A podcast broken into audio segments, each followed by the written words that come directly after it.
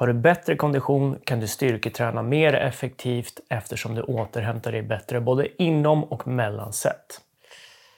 Så verkar det inte vara. I en ny studie av svenska forskare, bland annat Tommy Lundberg och Mirko Mandic, som vi haft med i Tyngre träningssnack flera gånger, så har man studerat just den här frågan. Spelar det någon roll hur bra kondition du har för hur väl du återhämtar dig när du styrketränar? Det, det är ganska rimligt att tänka sig det. Alltså, det är jobbigt att styrketräna, man blir flåsig, framförallt när man gör liksom helkroppsövningar som knäböj eller marklyft till exempel.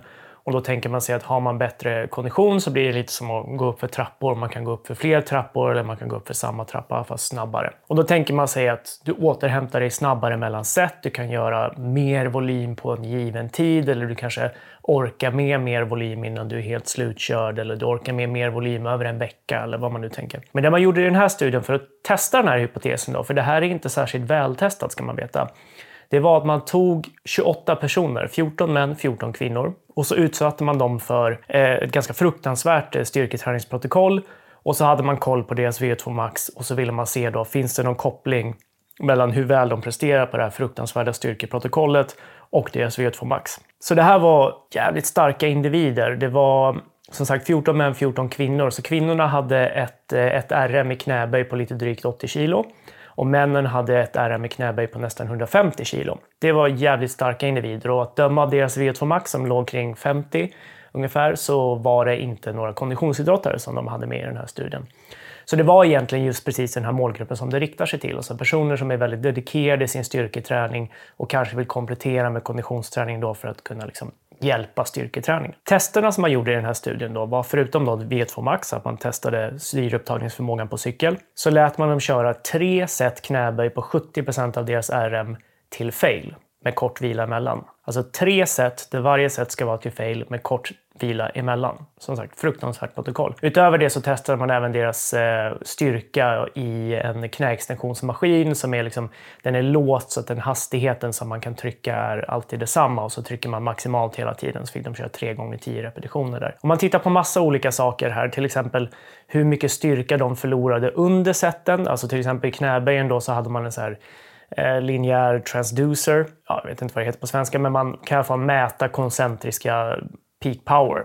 Alltså hur mycket effekt de utvecklade i knäböjen. Då. Så mätte man då under seten hur mycket de förlorade. Man mätte också mellan seten hur mycket de förlorade. Man mätte också då såklart hur många repetitioner de gjorde i de här tre olika seten. Det är rimligt att förvänta sig att man gör färre repetitioner allt eftersom man blir astrött. Och det här var ju liksom ett, ett smart protokoll. Det är smarta snubbar som man har att göra med här. Därför att det man tänker sig är ju att det är de här lite mer jobbiga övningarna där man verkligen tar ut sig. Det är där det borde spela roll därför att de beror mer på kreatinfosfatförråden. Alltså kreatinfosfat är, är ju bränsle typ som man har i musklerna. Därför man äter kreatin, monohydrat, för att få mer av det. Och det är ganska mycket det som begränsar den här typen av högintensiv men ändå ganska långvarig aktivitet. Alltså typ 100 meter sprint är det bästa exemplet. Alltså du liksom försöker att producera maximal effekt under ja, i bästa fall ungefär 10 sekunder. Detsamma gäller då med den här typen av set till fail där du försöker att göra liksom väldigt mycket intensivt arbete under en relativt lång period. Det är liksom inte att du försöker att kräva ut en repetition max eller tre repetitioner eller något sånt där, utan det är ändå ganska många repetitioner som det gör. Så de, det begränsas lite mer av den här typen av metabola faktorer som kreatinfosfat och då tänker man att det återbildas ju med hjälp av aeroba processer, alltså det som V2 Max ger dig då, att kroppen kan stödja den här återbildningen av kreatinfosfatförråden då bland annat. Skulle man ta ännu längre prestationer som typ ett, eh, en VOD i, en, eh, i Crossfit, då är det kanske, det är dels då kreatinfosfat såklart, men det är kanske också mer den här glykolysen, alltså om man bryter ner kolhydrater som ger energin. Skulle du ta kortare, då är det liksom mera kan muskelfibrerna eh, leverera den effekten som krävs. Så den här typen av långvar, relativt sett långvarigt arbete är liksom perfekt för att testa den här hypotesen. Skulle man se någonting så skulle man se det på den här typen av arbete. Men det gjorde man inte. Alltså, man gjorde en massa korrelationsanalyser här och så hittade man några svaga korrelationer. Men överlag så såg man att VO2 max kunde liksom, det, det, var inte det som avgjorde hur många repetitioner man kunde göra eller vilken kraft man hade när man gjorde det eller sådär. Så den här hypotesen bekräftades inte. Alltså, det var inte konditionen som avgjorde hur, hur väl du återhämtade dig under din styrketräning. Som sagt då, man testade inte mer långvarigt arbete, typ crossfit-arbete eller sådär. Där har man ju sett, alltså till exempel tittar du på cyklister så ser man att en en hög V2 max gör att du kan återhämta dig väl från väldigt högintensiva insatser. Men när man säger högintensiva och pratar om konditionsträning eller kanske voddar,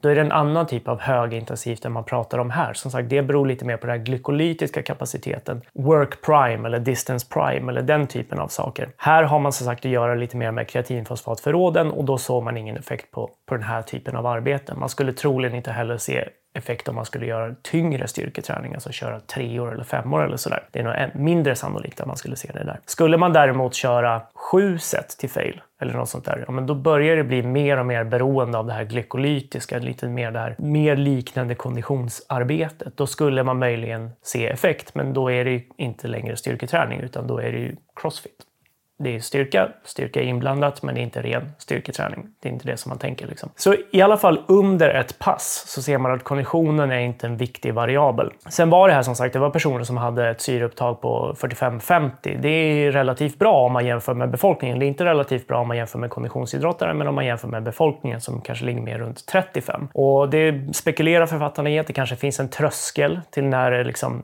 Ligger du under det, ja men då spelar det roll. Då blir du för flåsig typ för att kunna göra arbetet. Ligger du över den tröskeln som kanske de här individerna gjorde då, då spelar det inte så stor roll längre. Det är ju lite som inom lagidrotter så har man ju också typ en tröskel. Du behöver vara, ha den här konditionen för att klara dig. Det är därför fotbollsspelare, även på väldigt hög nivå, de, de är inga konditionsmonster. Liksom. Det är inte det de behöver vara bra på.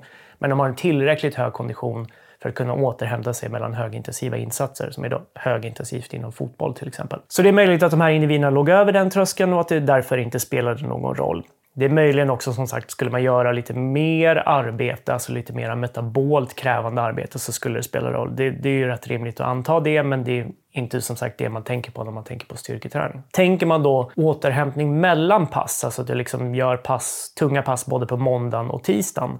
Det vet man inte heller hur stor roll det spelar. Det är möjligt att det har en komponent där, att man med en bättre aerob kapacitet kan eh, lagra in mer glykogen, den typen av saker. Men då är man återigen lite mer inne på den här typen av väldigt hög volymsträning som inte är riktigt det man tänker på när man tänker på styrketräning. Så i alla fall för styrketräning med den evidensen vi har idag med stöd av den här studien så verkar inte det spela så stor roll. Sen är det ju som sagt, alltså jag kommer ju aldrig jag kommer ju aldrig säga att folk inte ska ha bra kondition. Det, det skulle ju vara emot hela min image, liksom. även om jag för tillfället säkert ligger ungefär i paritet med de här deltagarna så, så liksom, det är rimligt att ha en bra kondition av andra anledningar. Om inte annat så ska man ha en fullgod kondition, precis som de här personerna hade. Så verkar man i alla fall ligga över en tröskel när det inte spelar någon roll för en styrketräning längre. Det var väl typ det hela. Jag har som sagt eh, X av mina böcker här. Träna mindre och spring mer tillsammans med min eh, senaste träningsbok då, Spring Smart. Så är man intresserad av eh, någon form av paketpris eller man bara vill ha ett signerat X eller något så är det bara att höra av sig till mig så fixar vi det. Det var allt. Vi ses och hörs när vi gör det.